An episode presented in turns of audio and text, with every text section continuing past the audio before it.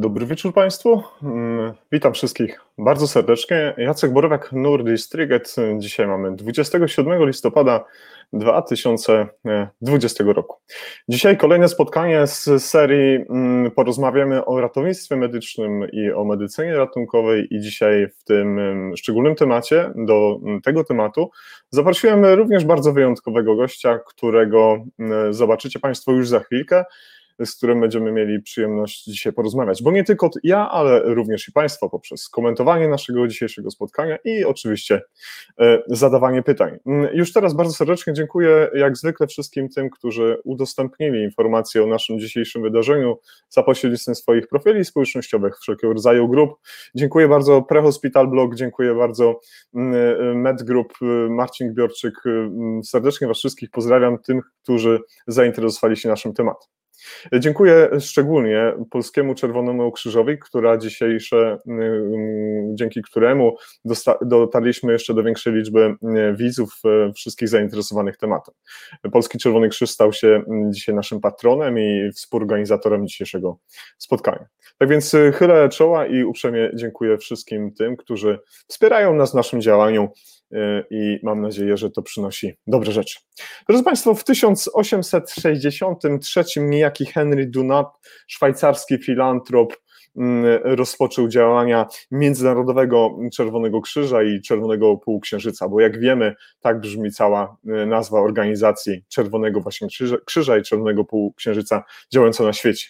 Ponad 97 milionów y, wolontariuszy na świecie zrzesza to jedno z największych mm, miejsc, gdzie właśnie wolontariusze mogą mm, udzielać pomocy i wsparcia tym wszystkim, którzy y, tracą zdrowie, tracą swoje dobra i tracą wszelkie mm, swoje wartości.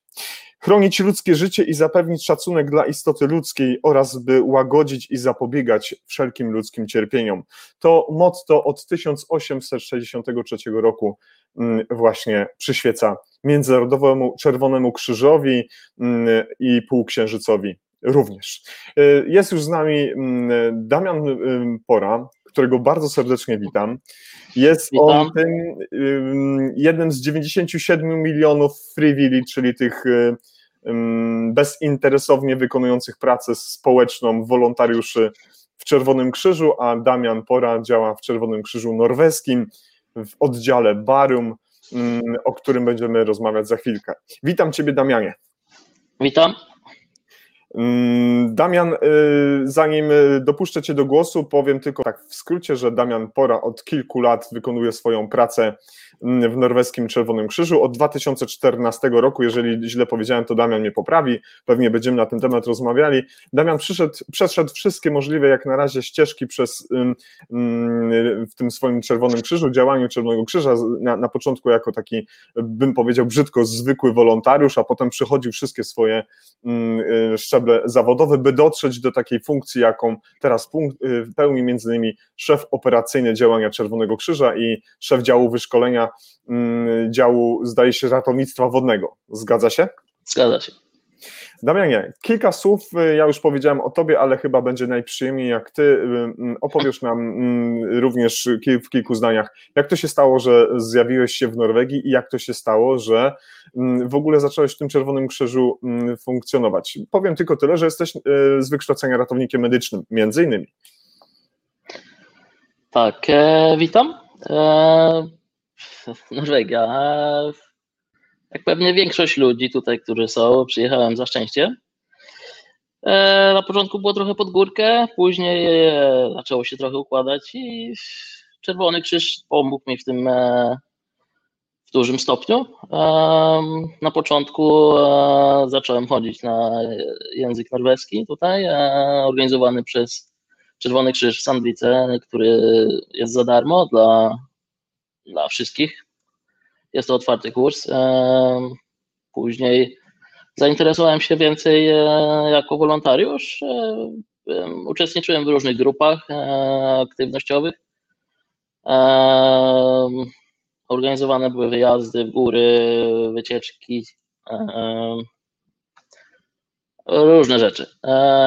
Od 2015 zacząłem aktywnie działać Wielko Korps, czyli w grupie poszukiwania i ratownictwa, czyli tak jak mówisz, korpusach medycznych. Dokładnie nie wiem, jak się nazywają grupy w Polsce, ale wydaje mi się, że są to po prostu grupy poszukiwania ratownictwa. Hmm. Od 2005, 2015 no i co? I dalej, no to po kolei wszystkie kursy, jakie były, mimo że wykształcenie medyczne mam e, zrobione wcześniej, no to zasady są proste, wszyscy muszą mieć te same szkolenie, te same zasady, te same procedury, więc e, wszystkie te kursy się przechodzi po kolei. Niektóre można mieć, dostać mogą być zatwierdzone jako odpowiednie kwalifikacje, więc można jakby przeskoczyć niektóre progi. E, ale większość, tak jak mówię, jest szkolenie na bieżąco, wszystkie kursy. Hmm.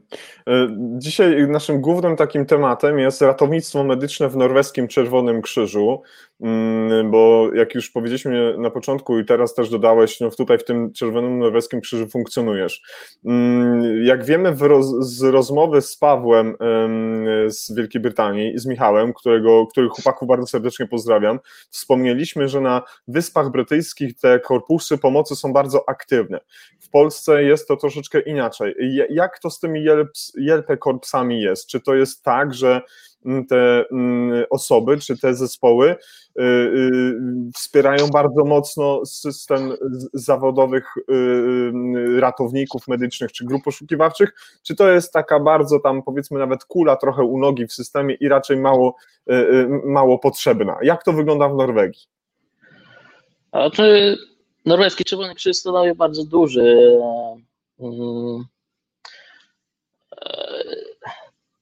stanowi bardzo dużą pomoc dla systemu ratownictwa. E, między innymi zapewniamy, e, mamy własne karetki, z którymi, których korzystamy i używamy, jeżeli jest taka potrzeba. E, mamy umowę z Centralnym Szpitalem w Oslo, między innymi. Jeżeli jest potrzeba, dostajemy wezwanie, jeden, dwa samochody, trzy, jeżeli jest taka potrzeba w całym województwie mamy 7 lub 8 karetek e, Czerwonego Krzyża, które nie są systemowymi, e, więc te karetki mogą być zadysponowane w każdej chwili. E, w tej chwili jest około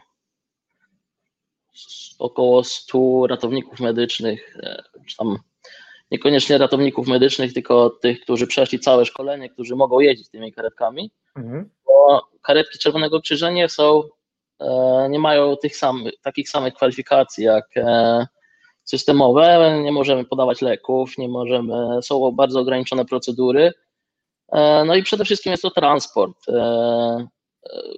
Czasami, jeżeli jesteśmy blisko jakiegoś wezwania nagłego, to w takim, w takim wypadku możemy również być zadysponowani, ale potrzebujemy wsparcia systemowego pojazdu, mhm. czy lekarza, czy karetki systemowej z paramedykiem. Miałem przyjemność gościć u Ciebie w bazie i nie tylko, bo i na plaży, kiedy obstawialiście bezpieczeństwo plażowiczów w okresie letnim i, i dysponowaliście bardzo dobrymi środkami łączności, wersja cyfrowa, nie analogowa, gdzie możecie się praktycznie połączyć z każdym korpusem medycznym w Czerwonym Krzyżu w całej Norwegii, ale też służbami zawodowymi. Jak działa taka, te, pokrótce taka, e, taka mm, łączność? Ona działa dobrze? Macie jakieś kłopoty z tym, czy, czy ten NetNet, o którym rozmawiamy, działa w w sposób zadowalający? E, tak jak mówisz, e, jest to system Tetra. E, są to mm, są to te same terminale, które używają w pogotowiu, karetkach systemowych, policja, straż pożarna. Wszystkie, wszystkie mm, zespoły są połączone w jedną sieć. Oczywiście każdy terminal może być zakodowany według potrzeb dla danego pojazdu, czy dla czy policji, czy straży pożarnej. Każdy ma swoje kanały, na których e, się rozmawia. Kanały są dopasowane do województw czy, czy lokalnych powiązań poszczególnych organizacji. Są kanały, które są tylko dla konkretnych organizacji, są kanały, które, które są wspólne dla wszystkich. Są kanały tylko wojewódzkie, są kanały krajowe, e, więc jeżeli jest taka potrzeba, to w każdym momencie mogę się skontaktować e, z korpusem w aucie na przykład. Mm.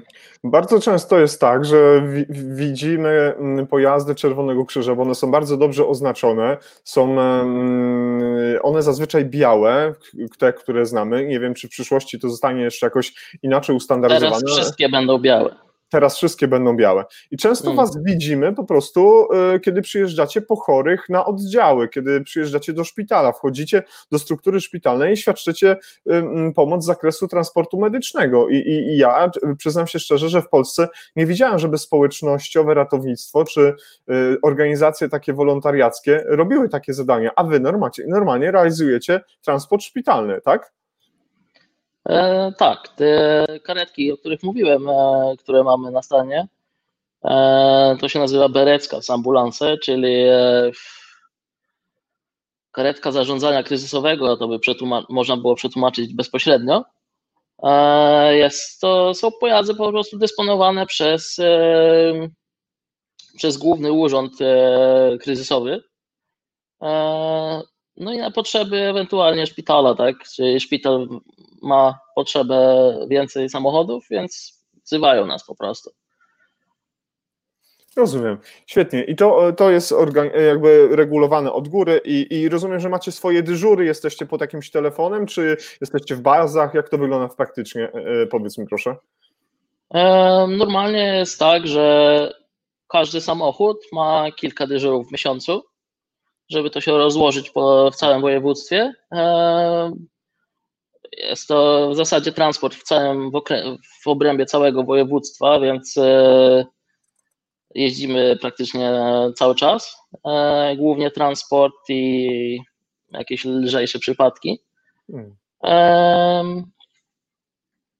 A, a tak, to, no to jest, jesteśmy pod telefonem w zasadzie, tak? Czyli tak samo jak jeżeli chodzi o wezwania do poszukiwań e, i ratownictwa w lesie, w górach, na morzu, wszędzie. O tym, o tym porozmawiamy za chwilę. Dokładnie wchodząc na Waszą stronę internetową, można znaleźć informację, czym Czerwony Krzyż w ogóle się zajmuje, jakie zadania wykonujecie. E, ty, jako mm, e, działacz Korpusu Pomocy w tej pomocy medycznej, ale nie tylko, bo zajmujesz się ratownictwem e, wodnym, takim specjalistycznym. Akcje poszukiwawcze też nie są Tobie obce. Mm, pozwolisz, że przywitam wszystkich już obecnych w trakcie naszego dzisiejszego spotkania. Bardzo serdecznie witam pierwszych gości. Jest z nami Romek. Romek, witamy Cię bardzo serdecznie. Jest Michał Czerwiński z Wielkiej Brytanii, jest Ela, jest, jest Kasia Bednarska. Witam Pani Kasiu. Jest Marcin Gbiorczyk, y, który był naszym gościem całkiem niedawno i Marcinowi obiecałem, że się dzisiaj pojawisz w naszej rozmowie, żeby Marcin mógł zadawać Tobie najtrudniejsze pytania, jakie się tylko da. Y, y, jest z nami również pan Bartłomiej Hrabkiewicz, jest pan Artur Krzeczkowski i kolejne osoby pojawiają się. I już pierwsze pytanie od, od Michała Czerwińskiego, które brzmi tak, czy ratownicy funkcjonują w systemie dyżurowym, czy są harmonogramy dyżurów, czy polega to wyłącznie na systemie wolontariatu, kto może to przychodzi? To jest pytanie od Michała Czerwińskiego, paramedyka, który pracuje dla NHS-u w Wielkiej Brytanii w tym momencie. Mhm. Proszę o odpowiedź. Więc tak jak mówiłem, e, mamy ustalone dyżury e, kilka razy w miesiącu. Każdy samochód ma kilka dyżurów. E, wiadomo, każdy pracuje normalnie gdzieś indziej, więc te dyżury nie są zbyt często, ale jest, jeżeli jest potrzeba, jesteśmy pod telefonem i wtedy są samochody obsadzane według potrzeb. Hmm. Rozumiem. Mm, tutaj komentarz od pana e, e, Bartłomieja Hrabkowicza, który napisał, że w Polsce też są wykonywane takie transporty, lecz Czerwony Krzyż musi wygrać przetarg na przewozy z danego szpitala, e, jak to w Polsce wygląda. No tak komercyjnie mocno rozwiązane. Nie wiem, czy, czy, czy kwestia również jakieś prawne, mhm. ubezpieczeniowe. Nie wiem, panie Bartłomieju, nie, nie, nie orientujemy się, jak to jest w Polsce. Dzisiaj będziemy przedstawiać mm, w sytuację, jak działa to w Norwegii, ale dziękujemy za wszelkie komentarze i czekamy na więcej, bo dzięki temu dowiemy się od Państwa y, jeszcze więcej. Od razu tu w Norwegii wydaje mi się, że mhm. nie widziałem chyba takiego komercyjnego transportu. Y, nie, kiedyś, kiedyś było trochę firm, hmm. teraz od, od, od, od dłuższego czasu, od, praktycznie chyba 20 lat, y, system komercyjny został jakby. Hmm. Teraz też OUS jeździ transport tymi białymi samochodami. Tak. Szpital Uniwersytecki w Oslo, który ma tutaj, mm, jest dysponentem służb ratownictwa medycznego na, na obszarze Oslo i przylegających gmin, rzeczywiście realizuje transporty sanitarne, zarówno karetkami ostrymi, tymi, które wyjeżdżają w ramach stanów zagrożenia życia, e, ale też ten transport biały, o którym teraz e, powiedziałeś, tak, Syke Transport jest podejmowany. E, ktoś do nas napisał, e, ile trwała najdłuższa akcja poszukiwawczo-ratownicza, w jakiej uczestniczyłeś? Brak dokumentu, tak do nas napisał. Wyprzedziła mnie ta osoba z pytaniem, ale co tam? Jesteśmy dla Was, drodzy widzowie. Pozdrawiam, brak dokumentu. Jak to z tą akcją poszukiwawczą u Ciebie? Ile masz ich na koncie i może spróbowałbyś odpowiedzieć na pytanie? E, ile mam na koncie, nie mam pojęcia. E, akcji ratowniczych w ciągu roku w województwie jest około 80. E,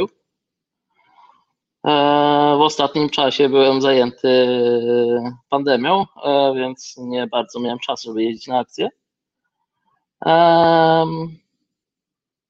Chodzi o liczbę godzin, ile uczestniczyłem, czy najdłuższa akcja, jaka, jaka była?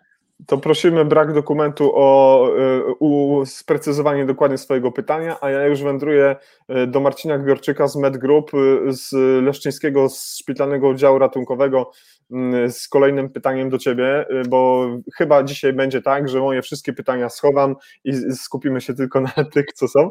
I Marcin już pisze mm, do nas, y, jak wygląda współpraca pomiędzy Norweskim Czerwonym Krzyżem a systemem ratownictwa medycznego, czy odbywają się wspólne ćwiczenia, działania, jak to wygląda?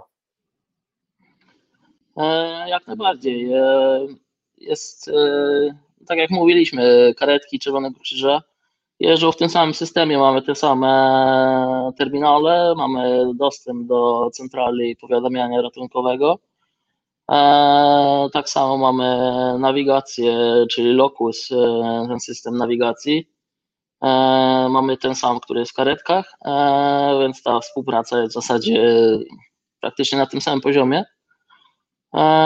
Wspólne ćwiczenia oczywiście, tak samo ze strażą czy z policją często jesteśmy wykorzystywani jako pozoranci do, do ćwiczeń, ale też, e, też jesteśmy traktowani jako personel medyczny, jeżeli chodzi o e, ćwiczenia.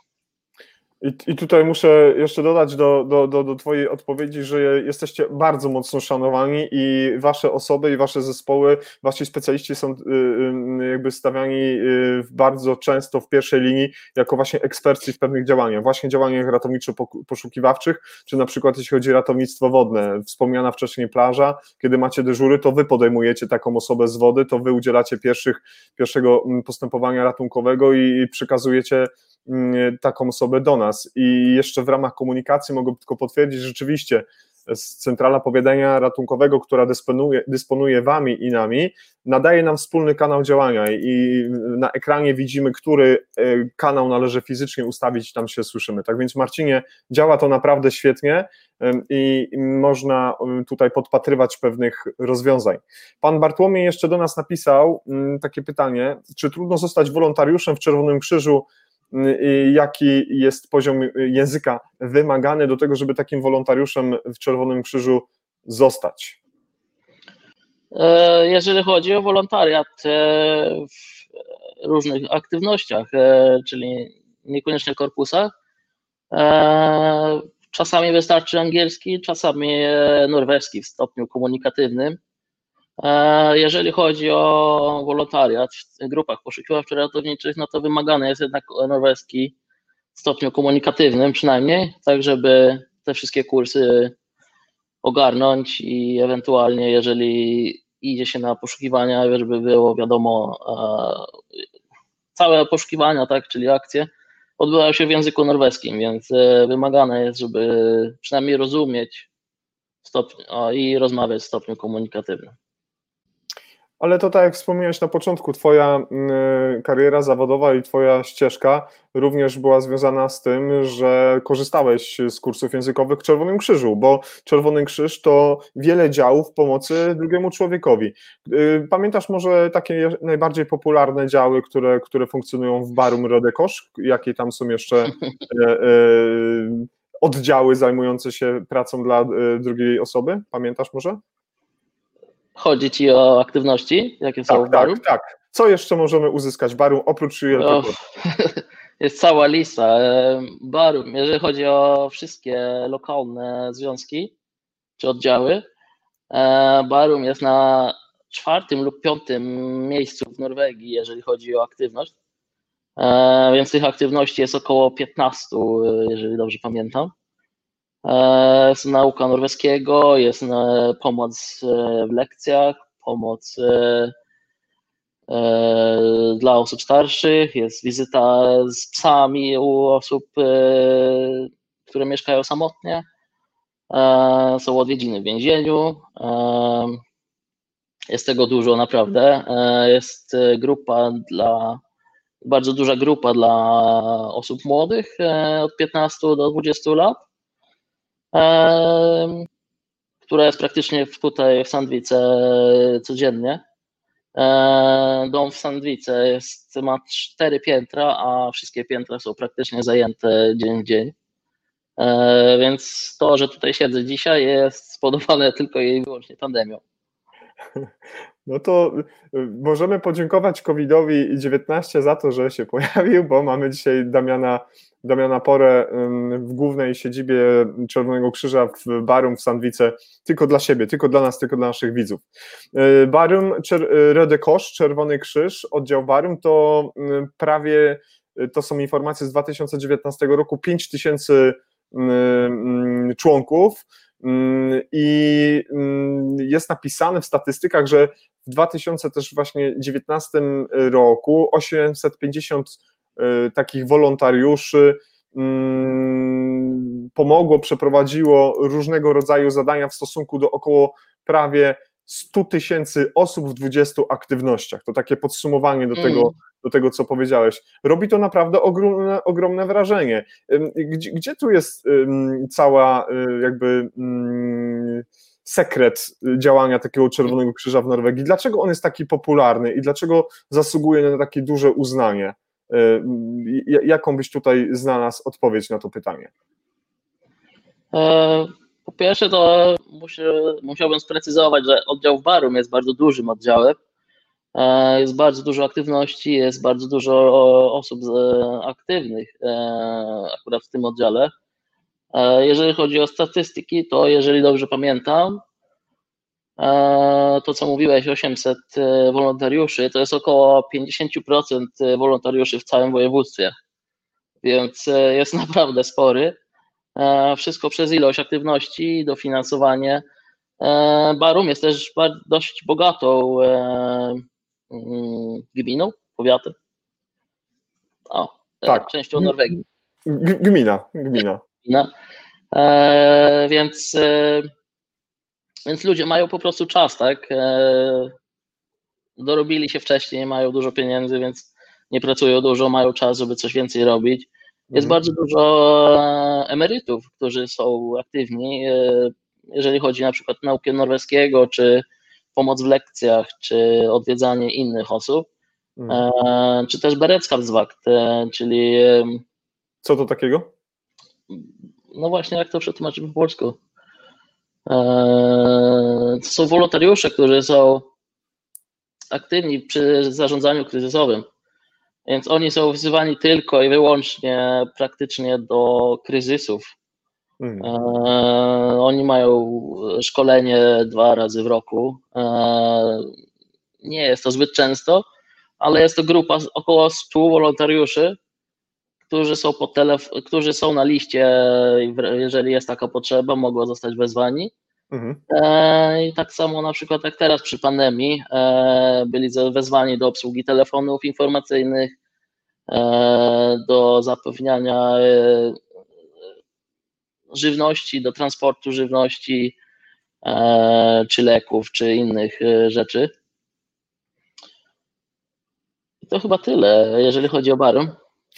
Niedawno, kiedy e, pierwsza fala pandemii wchodziła, mm, jakby w, rozpędzała się w tym takim trybie, o którym teraz powiedziałeś, mm, między innymi wasz oddział był odpowiedzialny za rozstawienie namiotów triażowych przed y, taką instytucją, która nazywa się Legewakt, czyli y, instytucją lekarza gminnego i to na was, na waszych barkach spoczęła o, jakby odpowiedzialność za przygotowanie triażowych namiotów. Kto o tym zdecydował? Dlaczego tak się stało? Czy to na jakąś prośbę, czy to przyszedł jakiś nakaz odgórny, żeby tę formę ratownictwa medycznego przedszpitalną czy taką przedlekarską wykonać? Jak to z tym jest, Damianie? To jest e, cała struktura. Barum e, Rodokosz czy Czerwony Krzyż ma podpisaną umowę z gminą, e, natomiast gmina zarządza legewaktem, czyli tą izbą lekarza, tak? Czy tą izbą przyjęć. I, i, i tak, lekarz e, komunalny, tak, gminny. Mhm. Lekarz e, gminny e, ma, jest umowa podpisana na, na czas kryzysowy. Ja jestem też jako szef operacyjny, jestem częścią Berecka z UDWALG, czyli ze sztabu kryzysowego w Czerwonym Krzyżu. Więc dostaliśmy po prostu informację z e, gminy e, o tym, że jest potrzeba taka i taka. E, w jakim stopniu możemy zapewnić pomoc i co możemy zapewnić. No i rozstawialiśmy namioty przed szpitalem. Jak szybko od decyzji, że taka pomoc jest potrzebna, do fizycznie realizacji zadania? Jak szybko Wam to zajęło? To trwało kilka dni, czy zajęło Wam to dosłownie E, krótki czas, bo to mnie ciekawi pod względem takim waszej skuteczności. Jak to zadziałało na tym Pier... konkretnym przykładzie? Pierwsze namioty stanęły w ciągu trzech godzin. E, natomiast potrzeba była ustawienia ich więcej, więc musieliśmy po prostu zamówić więcej, więc to zajęło kilka dni. E, ale wszystkie stały w ciągu pięciu dni z ogrzewaniem, ze światłem, z podłogami, z całym wyposażeniem, także Potwierdzam, proszę Państwa, y, y, między innymi Damian był za to odpowiedzialny, żeby to wszystko skoordynować. Świetna robota, w przeciągu krótkiego czasu uzyskaliśmy dostęp do y, komfortowych namiotów, które służyły nam długo, zarówno do namiotów do przyjmowania pacjentów pediatrycznych, czyli dzieciaczków i, i osób dorosłych, u których można było wnioskować, że doszło do za, zakażenia wirusem y, SARS-CoV-2, czy już rozpoznaniem choroby COVID-19. Tak więc z, ze swojej strony wymienił moich wszystkich kolegów, koleżanek y, w ambulance TNST. Y, Damian, dzięki Ci za Waszą pomoc i za Wasz wkład, bo jest on nieoceniony. Zapraszamy wszystkich do zadawania pytań i one się już pojawiają znowu i mm, pytanie mm, od Pani Kingi pojawiło się właśnie w naszej rozmowie. Pani Kinga Miller, serdecznie Panią pozdrawiam. Damian, czy macie psy w swoim korpusie? Czy biorą one udział w akcjach poszukiwawczych? I Pani Kinga serdecznie nas pozdrawia, odwzajemniamy bardzo. E, psów w Czerwonym Krzyżu nie mamy, e, natomiast jest e, druga organizacja, która zajmuje się tylko psami. Oni mają psy poszukiwawcze ciekawostką jest, że organizacja, która się zajmuje psami, wywodzi się z Czerwonego Krzyża. Jest założona, została założona około 60 lat temu chyba. E, e, jeden z członków Czerwonego Krzyża, daleko na północy Norwegii, miał psa, którego po prostu chciał używać w czasie akcji. Wyszkolił go jako psa lawinowego i tak się zaczęła cała organizacja, która zajmuje się psami ratowniczymi. Jeżeli pani, pani Kingo będzie sobie życzyła więcej informacji na temat y, tego związku psów poszukiwawczych, proszę napisać do nas y, mm, po, po, zakończeniu dzisiejszego spotkania. Y, podam pani odpowiednie linki, informacje. Jest chyba sporo informacji w języku angielskim. Myślę, że powinna pani sobie z tym poradzić, a jeżeli nie, to chętnie pani tym y, pomożemy. Y, y, docierają do nas też pozdrowienia. Pani Danuta, nie wiem, czy to zbieżność nazwisk, nie wiem, nie mam zielonego pojęcia. Pozdrowienia mamy z Płocka, bardzo serdecznie Pani Danuto, dziękujemy i również kłaniam się nisko. I kolejne pytanie jest od pan Dworek, tak na nas napisał. Czy w razie akcji, jak na przykład poszukiwanie, poszukiwania pracodawca może mm, albo ma obowiązek zwolnić z obowiązku pracy wolontariusza do tego dnia. Jeżeli tak, to czy są na to państwowe rozwiązania, na przykład ulgi dla pracodawcy i czy sami wolontariusze za swoją działalność mają jakiekolwiek przywileje lub ulgi od danego państwa, w tym wypadku od państwa norweskiego. Jak to z tym jest, z tymi mm. ulgami i z tym finansowaniem? Proszę o odpowiedź. E, jeżeli chodzi o wolne w czasie akcji, jest to bardzo indywidualne. E, zależy wszystko od pracodawcy. Jest e, gotowy schemat, który można dostarczyć pracodawcy i wypełnić. To, czy pracodawca się na to zgodzi, czy nie, no to jest bardzo indywidualne. Ja jestem zatrudniony w gminie, więc wszystkie takie mam możliwość 14 dni e, wziąć wolne po prostu na żądanie, jeżeli chodzi o takie akcje. E, jest to też e, na wezwanie, więc jeżeli tylko dostanę wezwanie i poinformuję szefa przed pracą, albo jeżeli już jestem w pracy, no to muszę zaczekać na zmianę po prostu żeby przyjechał zastępca za mnie i wtedy mogę jechać, e, bo jesteśmy tylko w pracy, jesteśmy dwie osoby, więc musimy być, e, ktoś musi przyjechać. Natomiast jeżeli chodzi o ulgi, sam państwo chyba nie ma jakichś specjalnych ulg, natomiast bardzo dużo sieci sklepów sportowych, bardzo związki turystyczne, są zniżki na wypożyczenie domków letniskowych.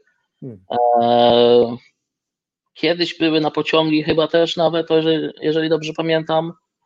E, także jakieś tam ulgi są, jest bardzo dużo umów wypracowanych z dużymi sieciami, e, na przykład na sprzęt turystyczny, na sprzęt, który używamy w poszukiwaniach i dostajemy naprawdę spore rabaty, jeżeli chodzi o, o organizację. Hmm. Y, odnośnie finansowania mm, sprzętu i zdobywania środku, to mógłbym teraz od razu zadać takie szybkie pytanie. Kiedy ostatnio byłem w waszym składzie sprzętowym, wierzcie mi Państwo, wygląda imponująco. Miejsce na łódź, miejsce na samochód, miejsce na przyczepę, miejsce, w którym znajduje się y, y, kład. Naprawdę bardzo profesjonalne środki łączności sprzętu podręcznego do ratowania życia, zdrowia, po, aż akcji poszukiwawczych. Skąd macie na to pieniądze? Kto na to wykłada e, środki? I jak sobie radzicie z takim budżetem, który co roku jakiś określony macie? Czy nigdy nie wiadomo, ile tych pieniędzy do Was e, e, wróci? Jak to wygląda w praktyce? Znaczy budżet jest określany co roku na bieżąco. E, więc musimy planować całe wydatki, koszty. Jeżeli chcemy zakupić jakiś sprzęt, to musimy to zaplanować praktycznie rok wcześniej. E, jeżeli chodzi o pozyskiwanie środków, to przede wszystkim zarabiamy wszystko sami. E, obstawiamy, jako Czerwony Krzyż obstawiamy wszystkie praktycznie duże imprezy masowe, firmowe, czy wszędzie tam, gdzie jesteśmy potrzebni. Mamy, jeżeli nie, jak nie było pandemii, to mieliśmy naprawdę sporo zleceń. Możemy też starać się o dofinansowanie z różnych e, innych organizacji, czy z banków, e, fundacji, tych podobnym. Co roku są wysyłane podania o dofinansowanie konkretnego sprzętu. Ale tak jak mówię, 80%, czasami 100% zarabiamy sami. W zależności od tego, jakie mamy wydatki, jeżeli chcemy jakąś inwestycję zrobić, to wtedy musimy szukać pieniędzy gdzieś dalej. Ale jeżeli chodzi o utrzymanie, to utrzymujemy się całkowicie sami. Z reguły nam jeszcze zostaje w ciągu roku. Hmm. Y, dodam tylko tyle, że w ostatnim czasie rozmawiałem ze swoją koleżanką, z Anitą, która skontaktowała się ze mną, bo wiem, że czeka Was zakup samochodu i chcecie wyposażyć hmm. swój samochód dokładnie w takie same zestawy, wręcz wyglądające tak samo, takie jak jeżdżą w karetkach y, służb zawodowych. Jaki te, te, tego jest cel, powiedz mi? Dla, dla, dlaczego taka decyzja? Ktoś by powiedział, chcecie nas wygryźć z interesu, czy jaki no jest tego cel? Bo na mnie to zrobiło dobre wrażenie, ale wiesz, różnie ludzie będą mówić. A wygryźć was nie wygryziemy. e, przede wszystkim nie mamy tylu ludzi, żeby was wygryźć, samochodu. E, celem jest ujednolicenie systemu. E, tak jak mówiliśmy wcześniej, jeździmy na co dzień karetkami w systemie z tym samą nawigacją. Mamy te same przypadki, możemy dostać co wy, więc może się tak zdarzyć, że dostaniemy medyka, czy lekarza, czy lekarza pogotowia lotniczego do samochodu i będziemy z nim jechać do szpitala. Więc chodzi o to, żeby wszystko było jednakowo, tak jak jest u Was. Hmm. Świetny pomysł. Po, po, pozdrawiam wszystkich, którzy, którzy przyklepali tę ideę, bo ona jest naprawdę fajna. Y, przy okazji pozdrawiamy Anitę i wszystkich y, znanych i nieznanych w Czerwonym Krzyżu Waru. Jest mi z tego powodu ogromnie miło, że czasami możemy Wam w, w jakiśkolwiek, choćby najmniejszy sposób y, pomóc. Mm, I szybciutko biegnę do naszych gości, naszych widzów, którzy są dzisiaj z nami. Jest Michał Czerwiński, jak już wspomniałem wcześniej. Michał zadaje pytanie, które brzmi: czy Czerwony Krzyż był zaangażowany w działania ratownicze lub logistyczne podczas mm, tego bardzo niedobrego zdarzenia w lipcu, e, dokładnie 22 lipca 2011 roku w, w centrum Oslo i na wyspie Utoja? Michał hmm. pyta właśnie o to. Jak to wyglądało wtedy? E, tak, e, Czerwony Krzyż uczestniczył bardzo aktywnie w tym działaniu.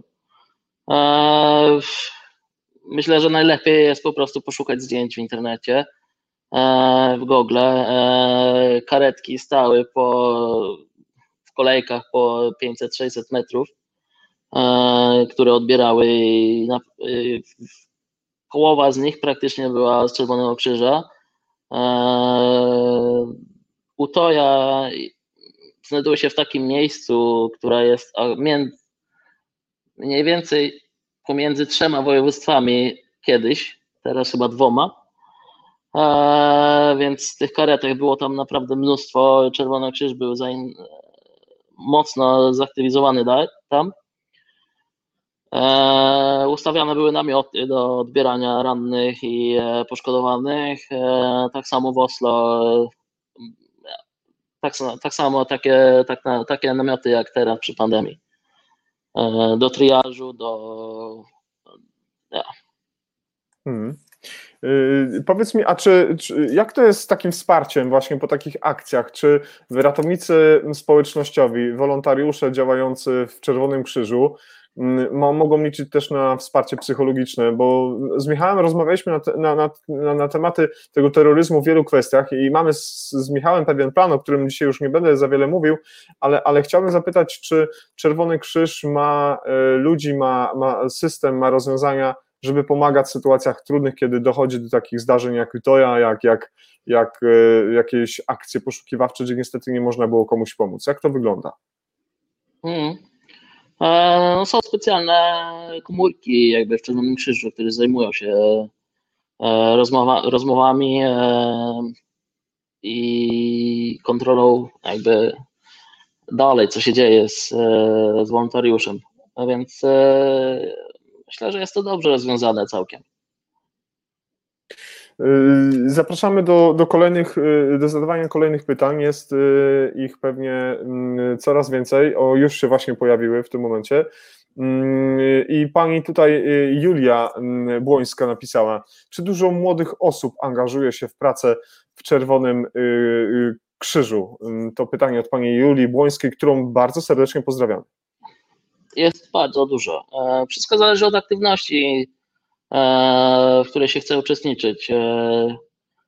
Tak jak mówiliśmy wcześniej, w Barum jest bardzo dużo i tak jak do pomocy przy lekcjach czy z nauki norweskiego jest przede wszystkim e, bardzo dużo emerytów, e, ale też są ludzie młodzi czy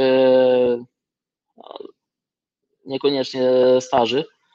E, natomiast tak jak w korpusach tych czy grupach poszukiwawczo-ratowniczych, to przede wszystkim są ludzie młodzi.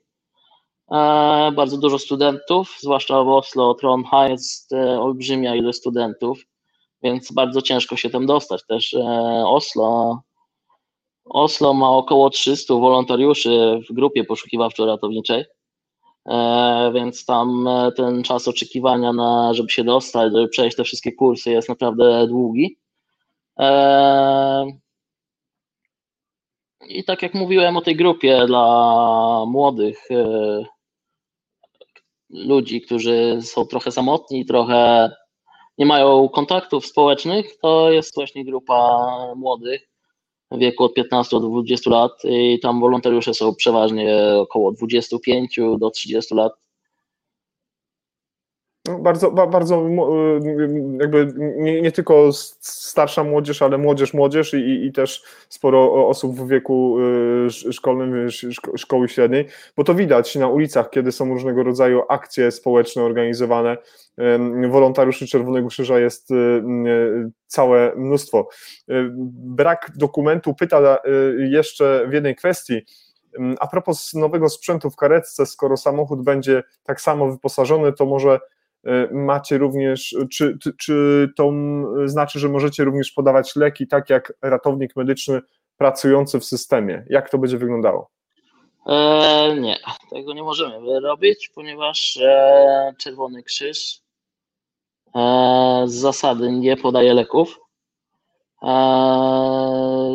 ponieważ to nie w większości, w większości wolontariuszy to nie są E, ludzie z wykształceniem medycznym. To są elektrycy, są e, informatycy, budowlańcy, naprawdę cały przekrój, e, jeżeli chodzi o, o społeczeństwo. Więc z zasady, mimo że ktoś jest z wykształcenia ratownikiem, czy pielęgniarką, czy nawet lekarzem, jeżeli ma na sobie uniform Czerwonego Krzyża, nie może podawać leków. Wiadomo, że e, w sytuacji zagrożenia życia e, zdarza się, że odstępuje się od tej zasady, e, jeżeli są środki dostępne, tak, tak jak leki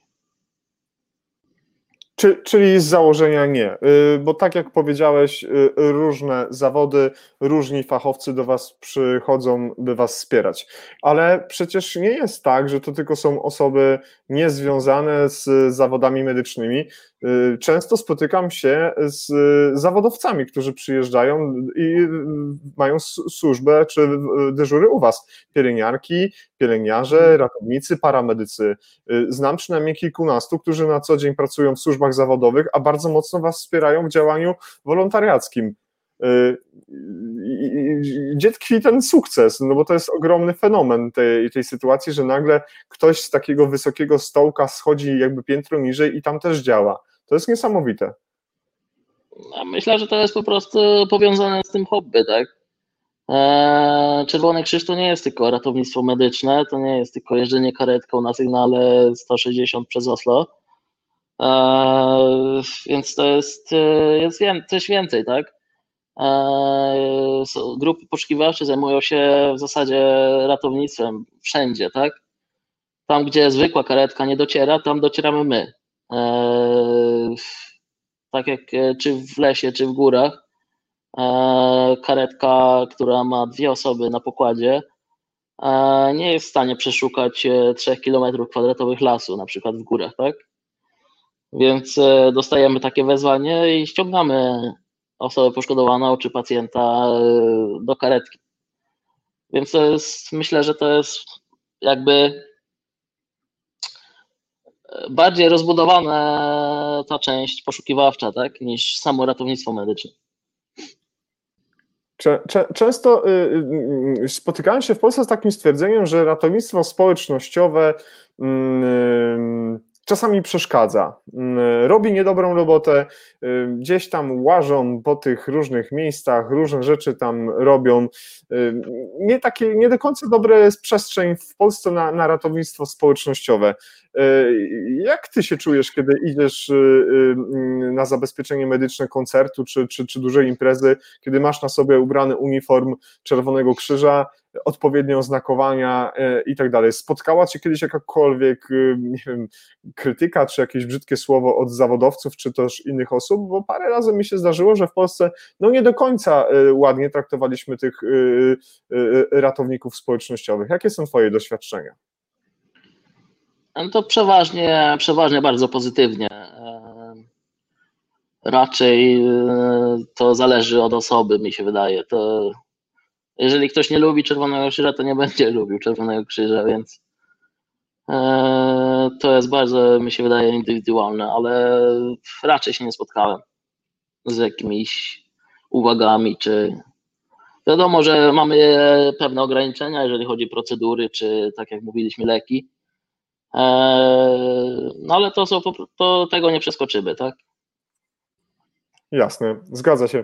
Napisała do nas, y, napisała do nas pani Daria Domosławska. Pani Dario, pani pozwoli, że ja nie wkleję całego komentarzu pod, y, na naszą jakby ekran, bo przysłoni nas i nie będzie nas widać, zrobimy to w inny sposób.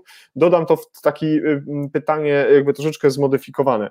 I pierwsze pytanie brzmi, czy funkcjonują poza grupami ratowniczymi grupy pierwszej pomocy? Czy są jacyś takie komórki, w tym wielkie korpsach, które specjalizują się w działaniu pierwszej pomocy? Tak ja mam to rozumieć. I, i, I drugie pytanie, czy wolontariusze po kursach pierwszej pomocy mają jakieś określone wzory strojów, kto finansuje stres stroje dla wolontariuszy. Tak więc te dwa pytania od pani, mm, od pani e, Darii Domosłowskiej już poleciały do Damiana i czekamy na odpowiedź. Czy jeżeli chodzi o pierwsze pytanie, no to jest to w zasadzie to samo. E, cały oddział czy grupa poszukiwawczo-ratownicza to w zasadzie mamy wszystkie szkolenia te same. Wszyscy przechodzą to samo szkolenie. E, na różnych poziomach. E, różne kursy mają od 3 do 2, 3, 4 poziomów. E, więc te szkolenia po prostu się przechodzi na różnym poziomie zaawansowania. No i to już jest indywidualnie bardziej. Niektórzy wolą chodzić tylko na akcje, niektórzy zabezpieczają imprezy masowe, inni robią wszystko po kolei, jak, jak leci. E, jeżeli chodzi o drugie pytanie, e, tak, wzory są określone odgórnie, jeżeli chodzi o całą Norwegię. Jest określony wzór e, strojów, uniformów. Stroje są finansowane w zależności od tego, gdzie się przynależy, tak naprawdę. Jako, że my w baru mamy dość dużo tych imprez masowych i zabezpieczamy ich naprawdę sporo, w większości są finansowane przez e, grupę dla nowych wolontariuszy. E, niektóre elementy musimy sobie kupić sami, jeżeli jest taka potrzeba, ale podstawowy cały zestaw dostajemy, jak, jest, jak, zostanie, jak przejdziemy podstawowe szkolenie, to dostajemy uniform. I co składa się na takie podstawowe szkolenie? Żeby wejść do struktur Czerwonego Krzyża w, w, w, korpusie pomocy, ktoś wchodzi z ulicy i jakbyśmy mogli wypunktować te najważniejsze rzeczy, które on musi zrobić, by pełnoprawnie, y, zgodnie z zasadami Czerwonego Krzyża i bezpiecznie, co najważniejsze, wykonywać swoją pracę. Jakie to są elementy? Jeżeli ktoś zaczyna całkowicie od zera, no to są e, kursy intro, czyli e, wprowadzenie do samego Czerwonego Krzyża, to można przez internet zrobić. E, następnie jest drugi kurs wprowadzający do grup poszukiwawczo-ratowniczych, na czym polegają, jakie są struktury, z reguły informacje lokalne, jak dana grupa działa. Następnie jest podstawowa pierwsza pomoc, jest to kurs 6-godzinny, E, jest obsługa terminalów e, tych, tych Tetra, o których rozmawialiśmy. jest kurs e, kwalifikowany pierwszej pomocy, jest to ponad 30-godzinny kurs, około dwóch weekendów. I następnie jest ostatni kurs, czyli kwalifikowane poszukiwanie ratownictwo. W zależności od województwa jest minimum jeden weekend. U nas w województwie jest około pięciu dni, w tym e, trzy wieczory plus weekend e, w lesie albo w zależności od tego, gdzie się znajduje wszelkie informacje, drodzy Państwo, jak ktoś będzie chciał um, zbliżyć się w tym, w tym temacie jakby do, do, do, do tych definicji, do tych wszystkich um, poziomów tajemniczenia i możliwości pozyskiwania odpowiednich uprawnień, zapraszam Państwa do tego, by zajrzeć na stronę internetową www.barum.rk h.no, ta znajdziecie Państwo informacje, troszkę jest po angielsku, sporo jest niestety po norwesku. Gdyby ktoś chciał się dowiedzieć więcej, myślę, że tego z Tobą nie ustaliłem, ale ja mam nadzieję, że jakby się pojawiały, Damian, jakieś pytania do Ciebie, to ja później je skieruję, gdyby no, ktoś... tylko chciał... wysyłać bezpośrednio do mnie nawet. Tak. Tam jest, y, y, podamy zaraz adres mailowy, może przy, przy końcu spotkania, bądź go wkleimy w komentarzach, więc jeżeli ktoś będzie chciał coś więcej dowiedzieć się na, tych, na temat tych uprawnień kursów, to y, zapraszamy również do mm, kontaktu w tej kwestii. Pamiętam, kiedy rozmawialiśmy na temat Twoich uprawnień kodu 160, czyli kodu, który uprawnia znaczy kursu, który uprawnia nas do poruszania się w ruchu uprzywilejowany, powiedziałeś, że y, y, twój mm, związek w Barum, Czerwony Krzyż Barum zapłacił za ten kurs, bo on jest bardzo drogi. On kosztuje w przeliczeniu na e, euro około 2,5 tysiąca euro, może prawie już 3. E, tak po prostu, just like that, za darmo, czy na przykład musi być teraz taki okres, że przez 5, 6, 7, 8 lat musisz na przykład odpracować e, te kwestie. Jak to wygląda w praktyce? E, tak, ten koszt kursu zostanie pokryty dopiero w przyszłym roku, więc E, póki co zapłaciłem za niego sam, e, ale dostanę, e, zrefundowany zostanie w przyszłym roku w nowym budżecie. Jakie było pytanie jeszcze te drugie?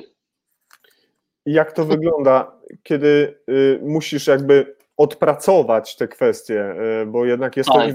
inwestycja w ciebie, no bo jednak sporo środków zostało włożonych. Jak to wygląda? Tak, e, to mniej więcej wygląda tak, że podpisuje się umowę na przykład albo e, coś w tym rodzaju e, na liczbę dyżurów, które trzeba odbyć w, po kursie. Jakby się związał, tak, bo to jest jednak koszt. Jeżeli chodzi o kursy, które są organizowane przez Czerwony Krzyż, no to nie ma takich umów, tak? Te kursy z reguły nie są drogie, ale wszystkie kursy, które są organizowane z zewnątrz, czyli e, dodatkowe, które są poza programem Czerwonego Krzyża, e, mogą być finansowane przez Czerwony Krzyż, jeżeli jest taka potrzeba, jeżeli jest potrzeba, żeby ktoś taki kurs posiadał. E, no i wtedy w zależności od ceny, no to wiadomo, że tam trzeba odbyć jakby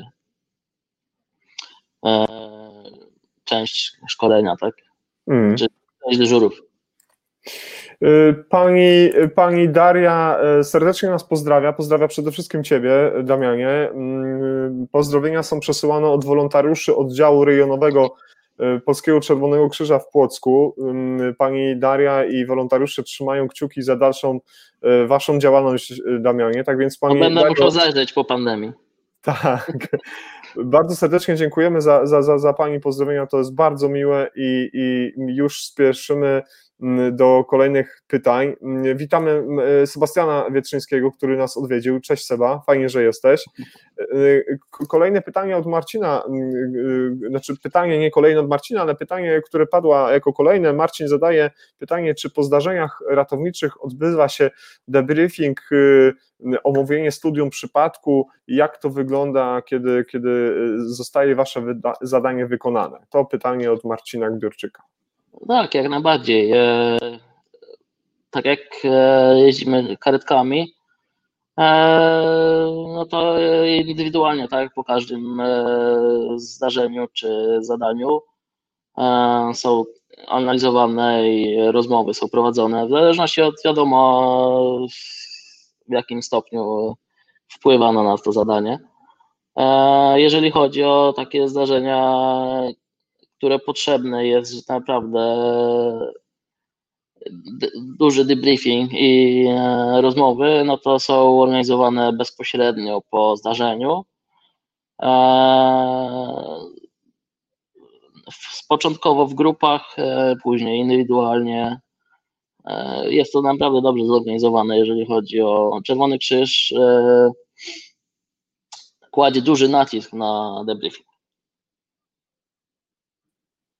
Jak często, jak często się zdarza taka sytuacja, że w przypadku debriefingu mm, mm, bierze udział na przykład zawodowiec, czy ktoś z służb zawodowych, ze straży, z policji, e, z ratownicy medyczni, czy to tylko się dzieje w waszym wewnętrznym systemie, czy możecie liczyć na to, że na przykład operative leader e, z, ze straży pożarnej, czy z policji, czyli szef kierujący działaniami tychże służb, jest również z Wami? Czy to się wszystko odbywa poza zawodowcami? Czy zdarza się taka sytuacja?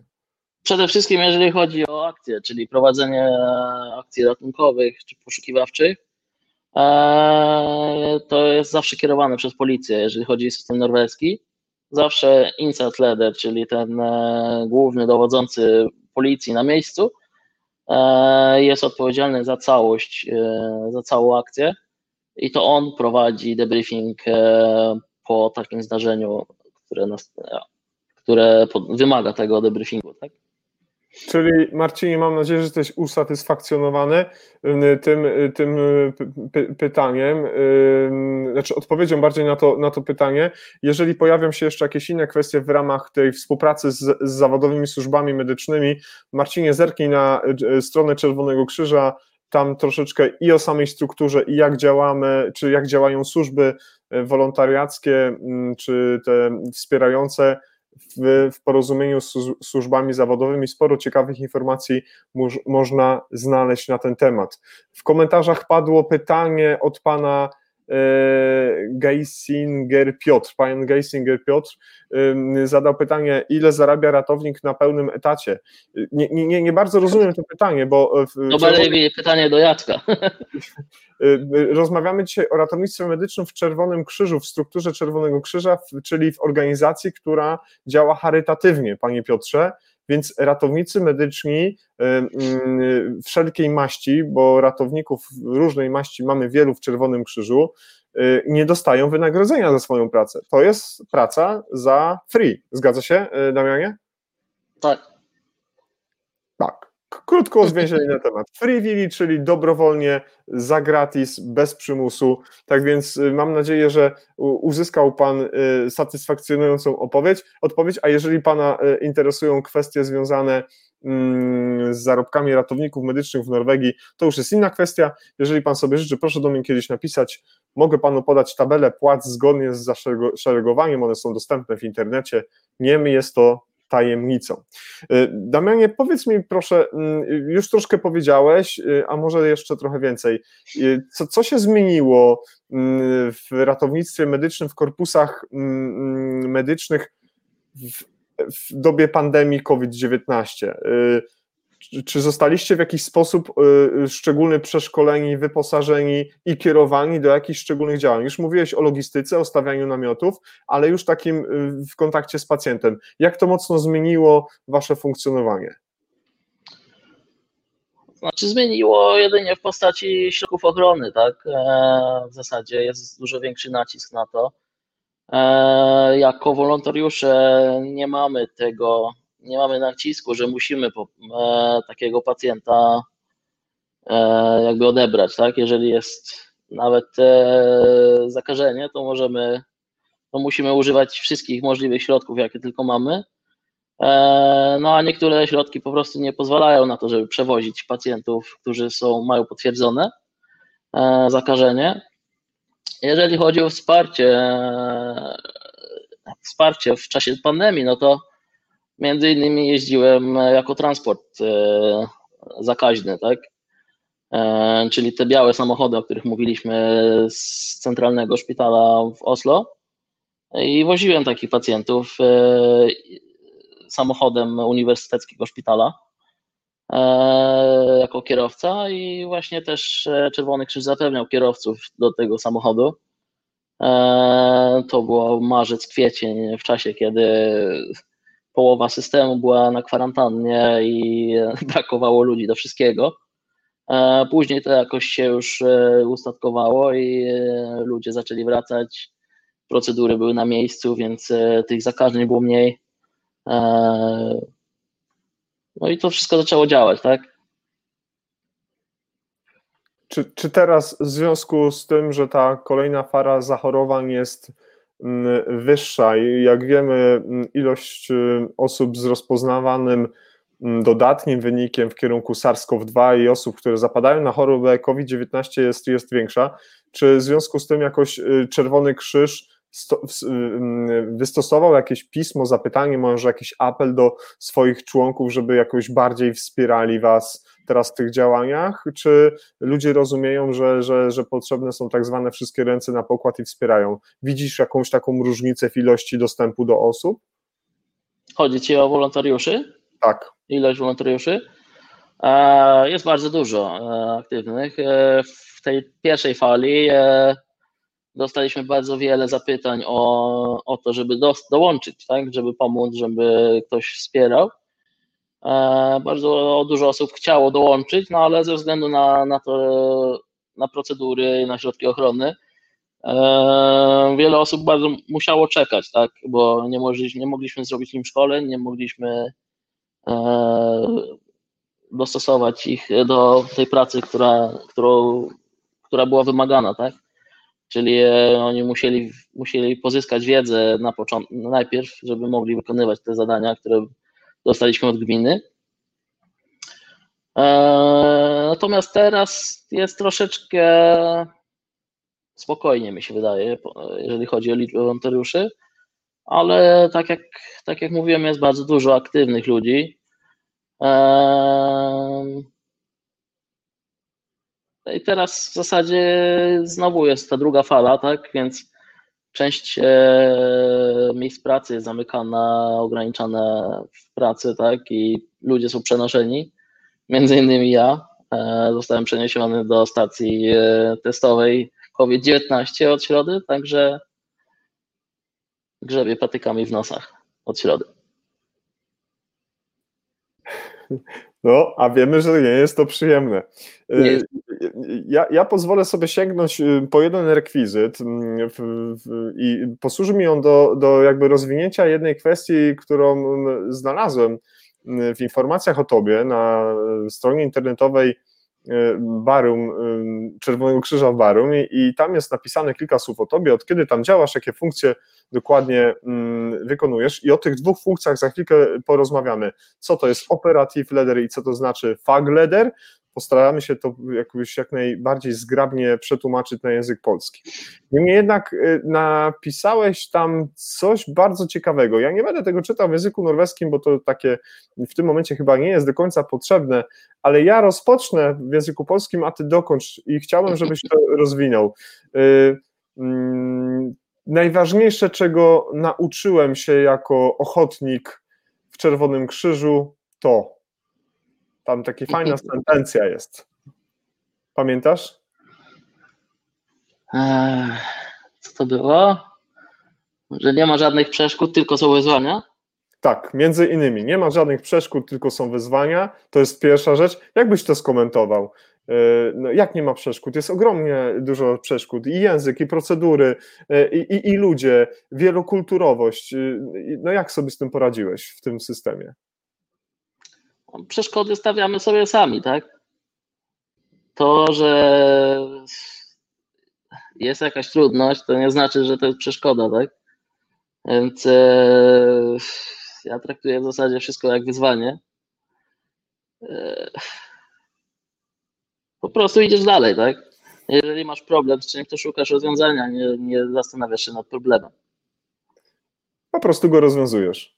Mm, odnośnie mm, drugiego komentarza, czy drugiej sentencji, jaką napisałeś, że jako, jako osoba w wolontariacie dla Czerwonego Krzyża mm, nauczyłeś się również, czy współpracujesz z, z różnymi ludźmi, mm, od których można się nauczyć wielu, wielu ciekawych rzeczy. Gdybyś tak spojrzał na Czerwony Krzyż, na jego zespół, to ludzie praktycznie z całego świata, różnej, o różnego kolorze, kolorze skóry, e, o różnym tak zwanym e, tej takim y, podstawie takiej, takiej demograficznej bym powiedział, skąd pochodzą, mm. jakie języki są tych, ich językami rodzimymi. Czego naj, najbardziej nauczyłeś się od takich osób, od takich ludzi z innych różnych krajów? No, myślę, że kult, kultur różnych, jakby obcowania z różnymi ludźmi, tak? To, to wszystko to tak jakbyś jeździł po świecie, tak? Spotykał różnych ludzi, mhm. poznawał kultury, języki, tak jaki, w jaki sposób rozwiązują poszczególne problemy, e, jak podchodzą do różnych wyzwań czy problemów. E, każdy kraj ma swoje podejście do, do swoich, ma swoje rozwiązania tak samo. Sięgnę po rekwizyt.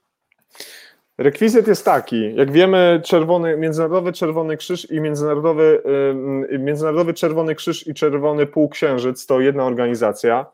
To jest taka piękna pamiątka, którą mam od mojego kolegi, od Sferę OE, którego serdecznie pozdrawiam i to jest palestyński Półksiężyc Czerwony. Dlaczego to pokazuję? Pokazuję to po to, żeby jakby udowodnić tym wszystkim ludziom, którzy czasami wątpią w y, y, słuszność działania y, wielonarodowego czy wielokulturowego, że się da. Bo jak popatrzymy na ludzi, którzy przychodzą do Was na szkolenia, pamiętam, kiedy mnie zaprosiłeś do siebie na rozmowę, tam było bardzo kolorowo. I byli czarni, i byli biali, i byli, przepraszam, żółtej maści, jakiejkolwiek różnej innej, wszelkich możliwych Mm, y, narodowości. Y, jakieś to problemy stwarza w trakcie zdobywania wiedzy, konkurowania o to miejsce w takiej strukturze, czy to jest tylko wartość dodatnia? Myślę, że to jest tylko dodatnie, bo jeżeli ktoś jest otwarty na poznawanie nowych ludzi współpracę, to, to nie jest żaden problem, z jakiego kraju pochodzisz. E, poza tym e, Czerwony Krzyż jest organizacją międzynarodową. E, wydaje mi się, że chyba najstarszą jeżeli chodzi o wolontariat. Potwierdzam, potwierdzam. Więc jest rozprzestrzeniona na całym świecie. Tak jak mówisz, Półksiężyc, Czerwony Krzyż, jest także Czerwony Rąb, jest, czy inaczej zwany diamentem. W krajach, w których, czy w większości azjatyckich krajów, mi się wydaje, jest stosowany rąb, o ile dobrze pamiętam. To jest w zasadzie tylko i wyłącznie na potrzeby tego, żeby nie e, eskalować konfliktów, w zasadzie religijnych najbardziej. Wiadomo, w tych krajach muzułmańskich krzyż raczej się nie kojarzy dobrze, e, więc dlatego został zastąpiony półksiężycem. E, ale czy wolontariusz jest z podznaku półksiężyca, czy krzyża, czy rąbu, naprawdę nie ma znaczenia. To w zasadzie tylko i wyłącznie, jeżeli chodzi o ludność e, cywilną, że tak powiem, tak? Jak oni się odnoszą do tych hmm. symboli. E, e, kiedy rozmawiam mm, często z Marcinem Gbiorczykiem i mówimy o ratownictwie medycznym, mówimy o ratownikach, to rysujemy postać ratownika jako takie, taką ikonę, która jest tak bardzo mocno wyposażona w te wszystkie urządzenia, sprzęty i jeździ tą piękną żółtą albo czerwoną albo białą karetką, a Marcin zawsze... Nasza mówi, nie jest taka piękna. A Marcin zawsze mówi, że ratownikiem jest każdy, ten, który po prostu ratuje czyjeś zdrowie i życie i czy albo posesję, albo jakiś majątek, albo po, pomaga zgodnie z definicją, od, która od 1863 roku przez Henry'ego Donata została postawiona. Tak więc y, obojętnie co robimy, a robimy coś dla drugiego człowieka, no to, no to jesteśmy takimi ratownikami i bardzo fajnie, że tak to działa i ta idea mm, wolontariatu Czerwonego Krzyża czerwonego półksiężyca, e, rąbu, diamentu, jakby zwał, tak zwał te sygnały graficzne mm, są jedne. E, pan Piotr e, zadał nam jeszcze jedno pytanie, czy można zostać wolontariuszem z językiem na poziomie B1, B2? Rozumiem, mm, jeśli chodzi o kompetencje językowe, jak to wygląda? Jak najbardziej. Ja zaczynałem na poziomie A2, mi się wydaje. Czy B1. A2, B1 zaczynałem jako wolontariusz w grupach poszukiwawczo-ratowniczych, także spokojnie. Mhm. Czyli y, mo możemy to zrobić i jest to do y, ugryzienia. Y, masz taką funkcję, która nazywa się Operative Leader. Ja ją zaraz napiszę, żeby każdy ją widział i jakbyś mógł w kilku zdaniach napisać, y, powiedzieć, przepraszam bardzo, kto to jest, co robi i dlaczego jest tak ważny y, dla systemu mm, Czerwonego Krzyża, w którym ty funkcjonujesz. Powiedz mi, jak to z tym Operative Leader jest? Operative Leader, czyli tak jak pisałeś, szef operacyjny.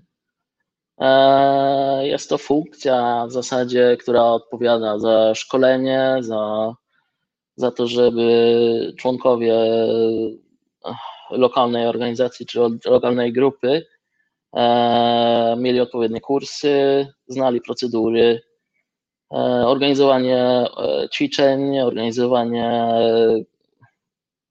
e, tych spotkań, które mamy co dwa tygodnie w Sandwice albo w innych miejscach. No i tak jak mówiłem wcześniej, czyli jako operator filety jestem częścią sztabu kryzysowego w Czerwonym Krzyżu Barum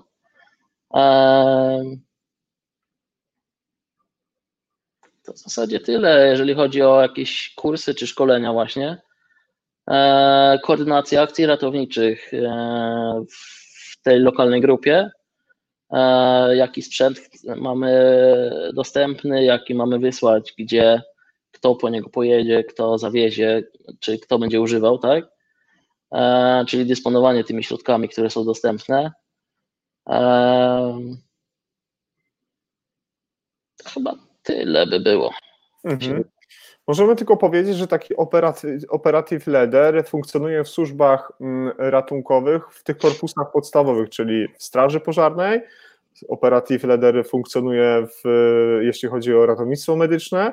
Również mamy do czynienia z operative leader w policji, w wojsku, czyli, czyli tych korpusach najważniejszych. Czyli to jest taka funkcja operacyjna bardzo znacząca, bez której no nie da się jakby obyć na miejscu zdarzenia, szczególnie w przypadku dużych zdarzeń, o których pytał Michał wcześniej. A powiedz mi proszę, y, twoja druga funkcja mm, to fagleder van Redning. Y, co to takiego, czym się taki fagleder zajmuje i, i dlaczego jest to takie ważne dla Czerwonego Krzyża? E, fagleder to można by przetłumaczyć jako szef szkolenia, czy szef jako główny instruktor, może bardziej, e, główny instruktor ratownictwa wodnego, jeżeli w moim przypadku chodzi. E, jest to funkcja, którą mam w województwie. E, no i to w zasadzie jest, działa na, tej, na, na podobnej zasadzie co Operative Leader, czyli e, dbanie o to, żeby członkowie całego województwa znali procedury, żeby mieli odpowiednie przeszkolenie, organizowanie kursów, wykładów i tym podobnym w dziedzinie ratownictwa wodnego. Mm, a jakie miałeś przygotowanie wcześniej zanim tym faglederem się stałeś, z racji, nie wiem, obsługiwania sprzętu wodnego, e, sportu wodnych i tak dalej, nie wiem, to było twoją pasją, że nagle zająłeś się tą kwestią, czy te umiejętności zostały, e, nabyłeś trakcie pracy dla Czerwonego Krzyża, jakby Czerwony Krzyż znalazł w tobie potencjał mm, i jakby poszedłeś w tym kierunku i zgromadziłeś odpowiednią wiedzę i kompetencje. Jak to, jak to u ciebie było? W zasadzie E, od 22 lat zajmuję się pływaniem. Aktywnie trenowałem pływanie wcześniej. E, od jakichś 18 lat zajmuję się ratownictwem wodnym. Zacząłem w Oprze w, Płoc, w Płocku. E, tam przeszedłem pierwsze szkolenia ratownictwa wodnego w wieku 14 lat i później no to już dalej jako instruktor żeglarstwa, jako patent, wszystkie patenty motorowodne, żeglarskie. No i co, jak pracowałem w Oslo, zacząłem pracę jako ratownik e, wodny na plaży w Oslo od 2015. E, jestem aktywnym ratownikiem wodnym w Oslo na plażach i jako również operative leader, czyli szef operacyjny na plażach w Oslo, na czterech plażach. E, więc odpowiadam jakby za te cztery plaże w ciągu wakacji. Nie tylko ja, no jest więcej osób zatrudnionych, ale w tym, kiedy mamy dyżury, no to jeździmy po prostu po tych czterech plażach. E, no i zostałem wybrany jako właśnie główny instruktor ratownictwa wodnego w województwie. Myślę, że na tej podstawie. Zasłużone. Zasłużone. Pamiętam, kiedy miałem przyjemność gościć na pokładzie Twojej łodzi ratunkowej. Dzięki jeszcze raz za przemiłą sobotę, kiedy y, zwiedziliśmy sobie fiord y, Oslo kiedy popłynęliśmy w kilka takich ważnych miejsc, kiedy mogliśmy zmierzyć się z przeciwnościami losu, jakim jest woda i wiatr, i było trochę zimno, ale dzięki temu, że sprzęt, który był tam dostępny, był pełen profesjonalizm mm, i, i nie zmarzłem, było dobrze i było przede wszystkim bezpiecznie. Mm, wrażeń było co niemiara. Tak więc jeszcze raz za to Ci dziękuję.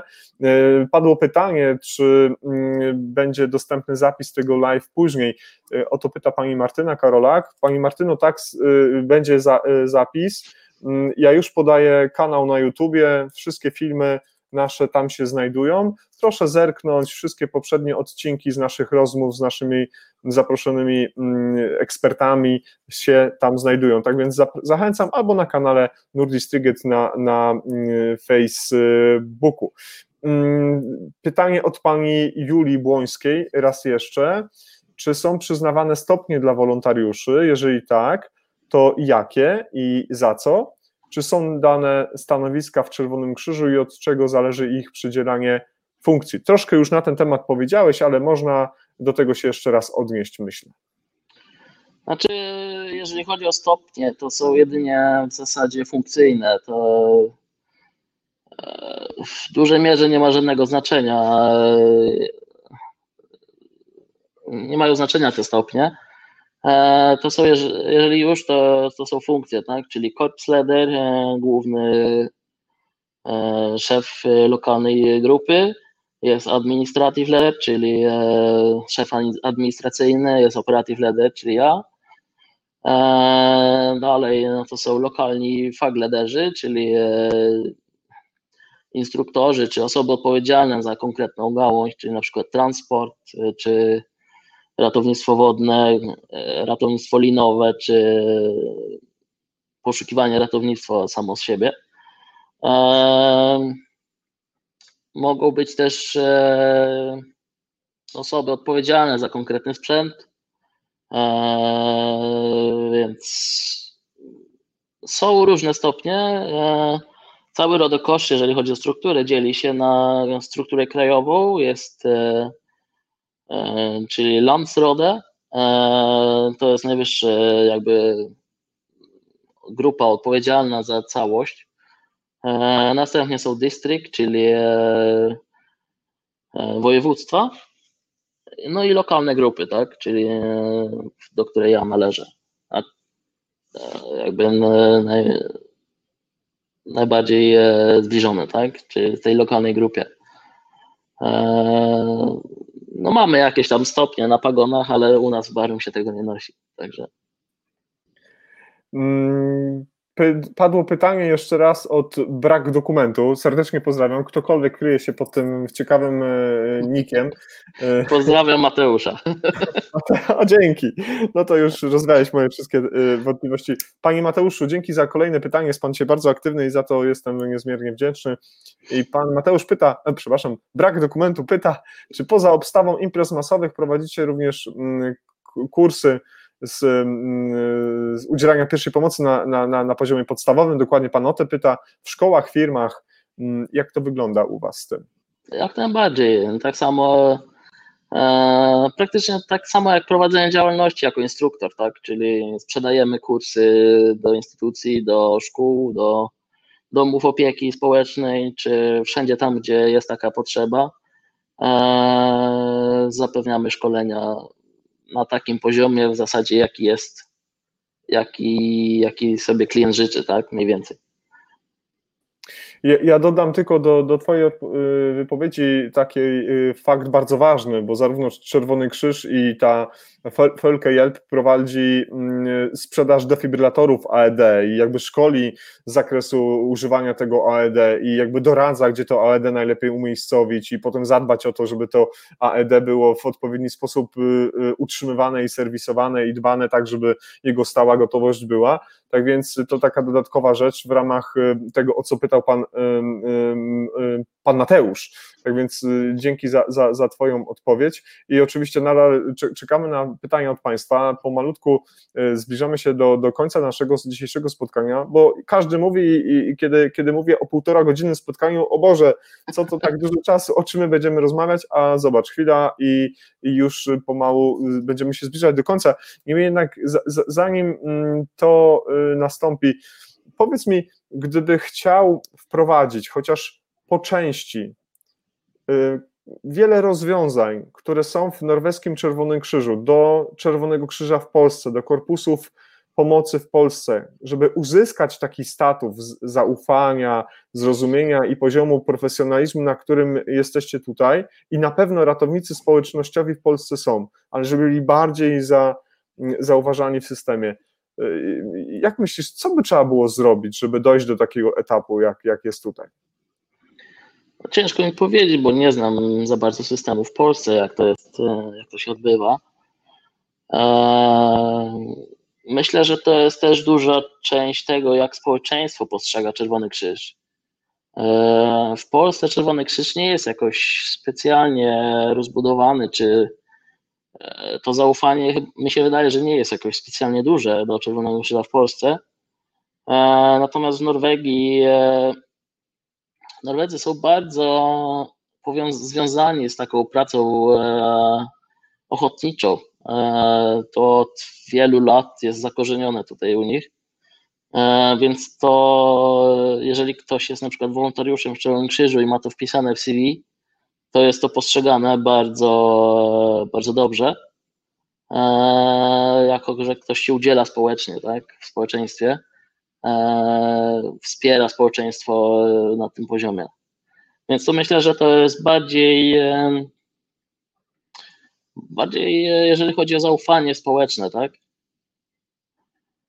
Mi się wydaje, jest duża różnica w Polsce i w Norwegii. Hmm.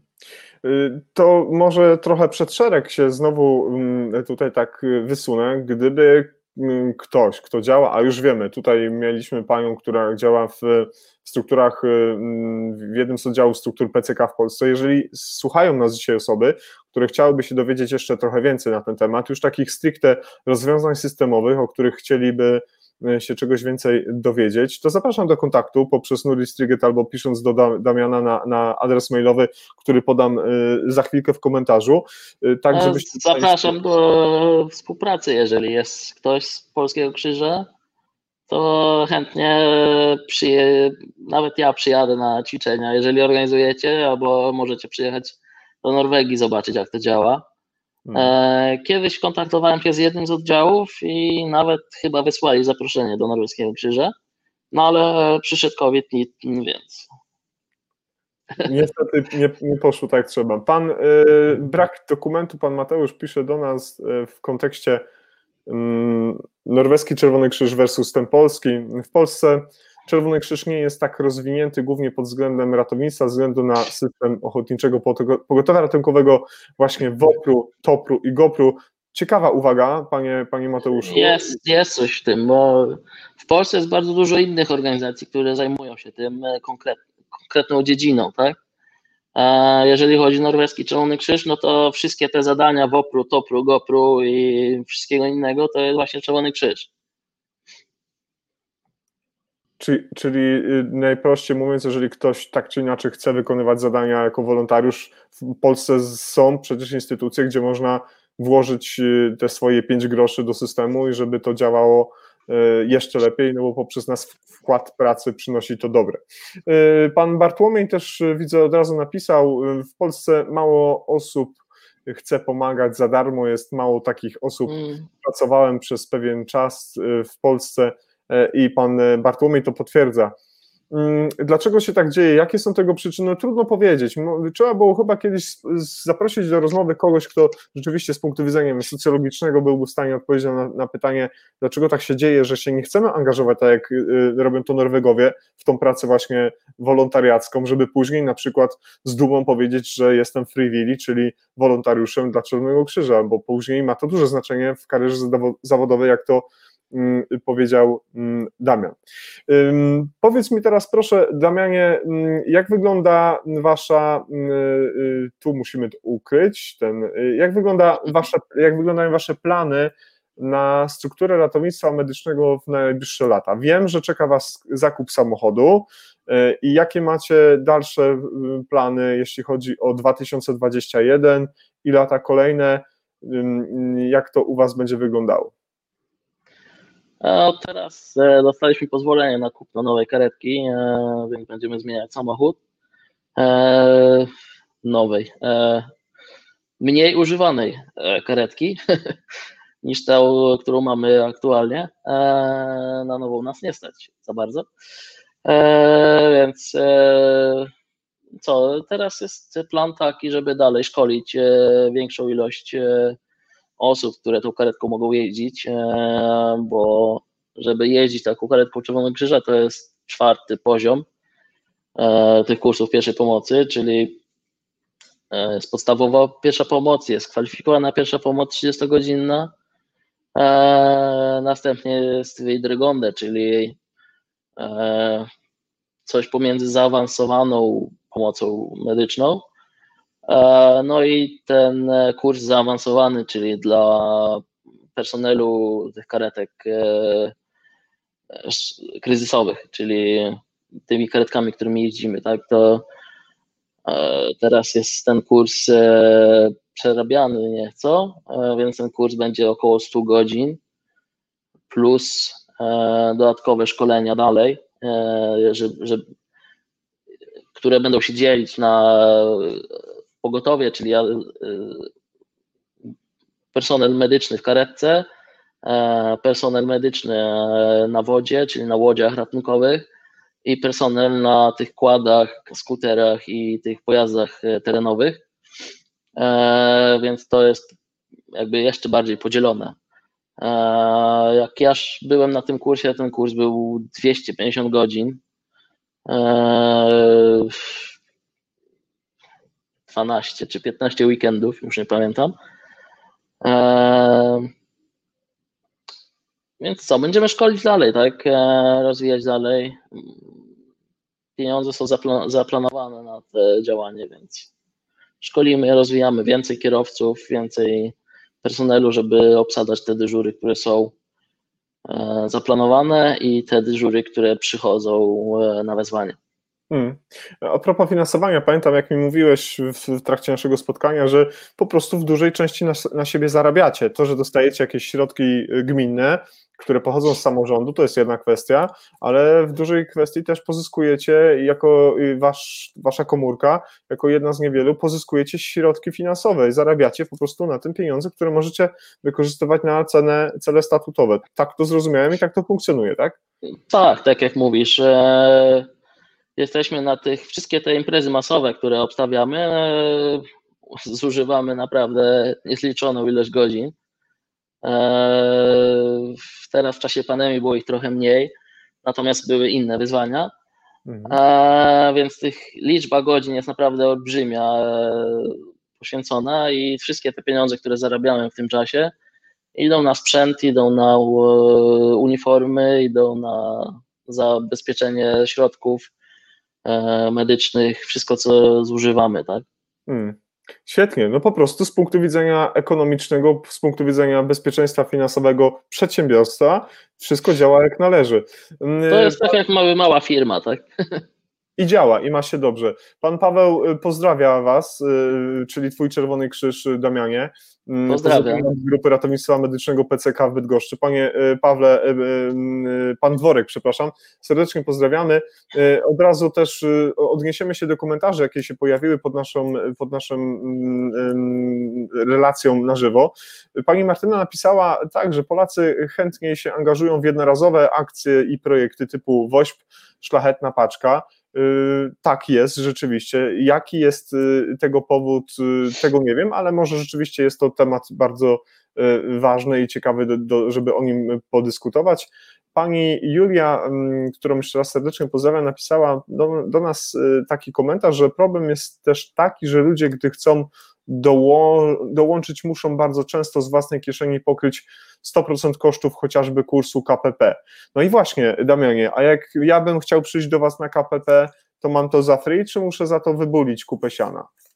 Jeżeli jesteś członkiem Czerwonego Krzyża, to wszystkie kursy e, organizowane przez Czerwony Krzyż są za darmo. Są hmm. jakby pokryte z Czerwonego Krzyża. Hmm. E, mamy też y, kolejne pytania i, i, i tutaj mm, sugestie. Yy, pani Agnieszko, dzień dobry. Witam Panią bardzo serdecznie. Cieszę się, że Pani dzisiaj z nami jest. Mm, mm, to ważne. I od razu pytanie, mm, czy ten wolontariat w jakikolwiek sposób pomógł Ci znaleźć kiedyś pracę? Powiedziałeś, że ujmując ten okres w Twoje CV, jest to dobrze postrzegane, z czym się absolutnie Pani Agnieszka zgadza. Wyłapałeś ten moment, kiedy ktoś znalazł na CV wolontariat, Czerwony Krzyż od razu? Myślę, że myślę, że tak. To nawet nie jedna praca, między innymi praca na plaży. E, była jakby związana z tym. E, być może niedługo zostanę kolegą Jacka z pracy, więc to też e, myślę, że to dużo pomogło, że te kursy Czerwonego Krzyża mam porobione w Norwegii jako że dużo doświadczenia z Polski nie mam, e, więc te kursy wszystkie porobione w Czerwonym Krzyżu wpływają bardzo korzystnie na, na tą pracę, tak?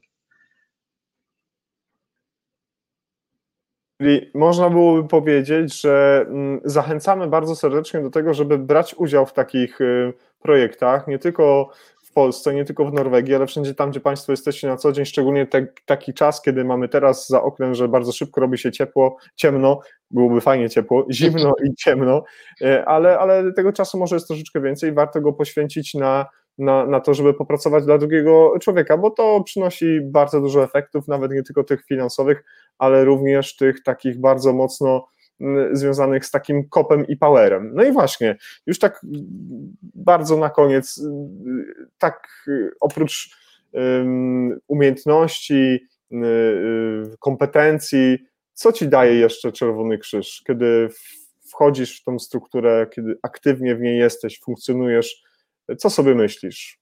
Jakie miłe e, rzeczy cię ogarniają? Najbardziej to mi się wydaje, że prostu robienie różnicy, tak? Eee, chyba, chyba tyle, że zmieniasz coś po prostu. Jest to, że to, że jesteś aktywny, udzielasz pomocy, czy wspierasz gminę, czy nie wiem, odwiedzasz ludzi samotnych, e, robi różnicę. Nie, niekoniecznie robi różnicę ze świata, ale robisz różnicę e, dla tego jednego człowieka, czy czy osób w Twoim otoczeniu, czy w gminie, czy w społeczeństwie lokalnym?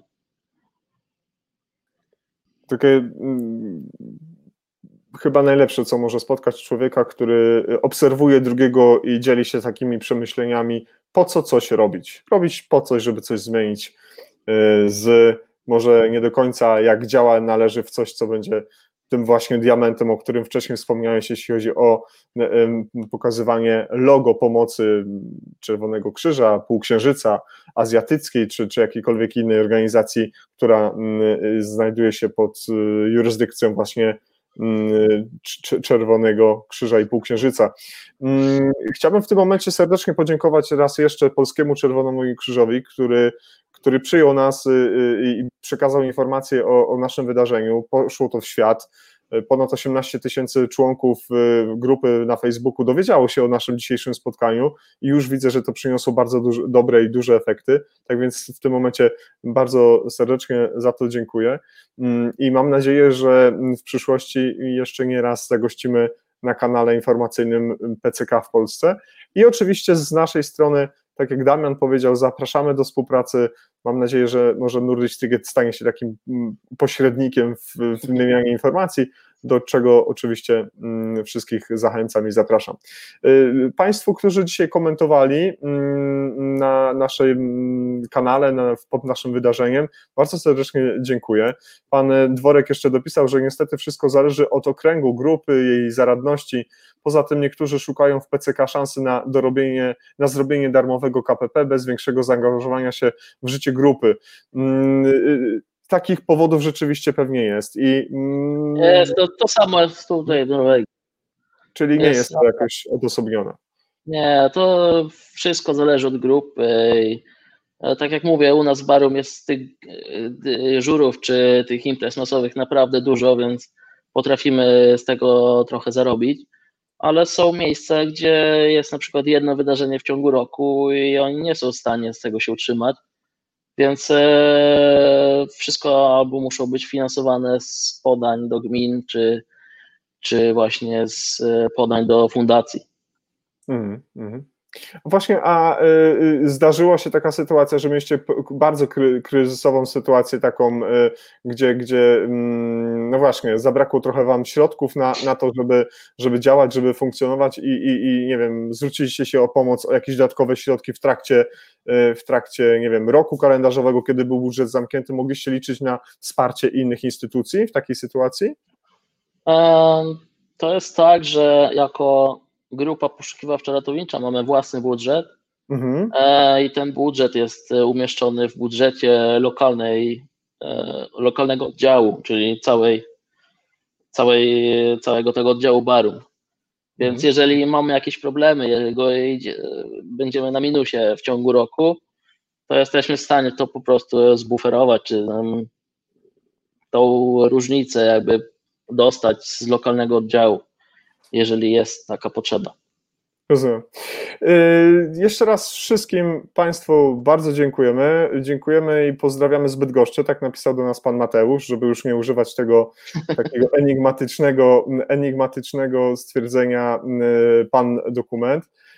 Ja pozwolę sobie w tym momencie, drodzy Państwo, zaprosić Was wszystkich do spotkania, które już za tydzień, już 3 grudnia, dobrze, tak, 3 grudzień na kanale Nordic Trigger, na profilu Nordic Trigger na Facebooku. Będzie z nami pani Emilia Skirmund, która jest wirusolożką. Pani Emilia pracuje w Uniwersytecie Oksfordzkim.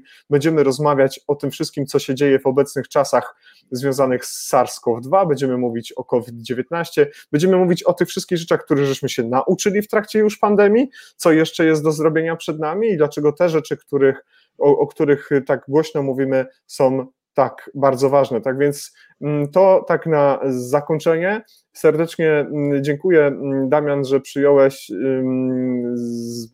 zaproszenie do naszego, do naszego spotkania, do naszej rozmowy. Mm, mam nadzieję, że mm, wszystkie te rzeczy, które sobie zaplanowaliście na 2021 się spełnią. Życzę dużo zdrowia, dużo wszystkiego dobrego, niech się Wam dzieje i, i jak tylko mm, będziesz miał jakieś ciekawostki, nowości, to dawaj do nas na kanał i będziesz opowiadał równie, równie zacnie i ciekawie jak teraz. Musisz wrzucić ten film z, z Łodzi. Tak, tak. Film jest z Łodzi bardzo dobry i, i, zrobiliśmy tam naprawdę fajną robotę. Sternikiem był oczywiście kapitan Damian Pora, ja byłem balastem, dobrze wyważonym, tak więc było fajnie. Serdecznie wszystkich pozdrawiamy. Marcin, dzięki za miłe słowa. Tak, przyroda oczywiście bardzo fajna, kwiatki za mną, akwarium działa, melduje się. Było mi ogromnie miło. Damianie, y, e. kłaniam się Tobie nisko i co? Widzimy się pewnie gdzieś na dyżurze e, i pozostaniemy jeszcze teraz y, y, w kontakcie, a Państwu kłaniam się. Jeżeli uznaliście, że dzisiejsze wydarzenie i, i materiał zasługuje na łapkę w górę, dzwoneczek czy tam like, proszę bardzo, będzie nam bardzo miło i Do zobaczenia już za tydzień w trakcie kolejnej rozmowy na temat bezpieczeństwa w Nordic Triget. Dziękuję, pozdrawiam wszystkich. Pozdrawiamy.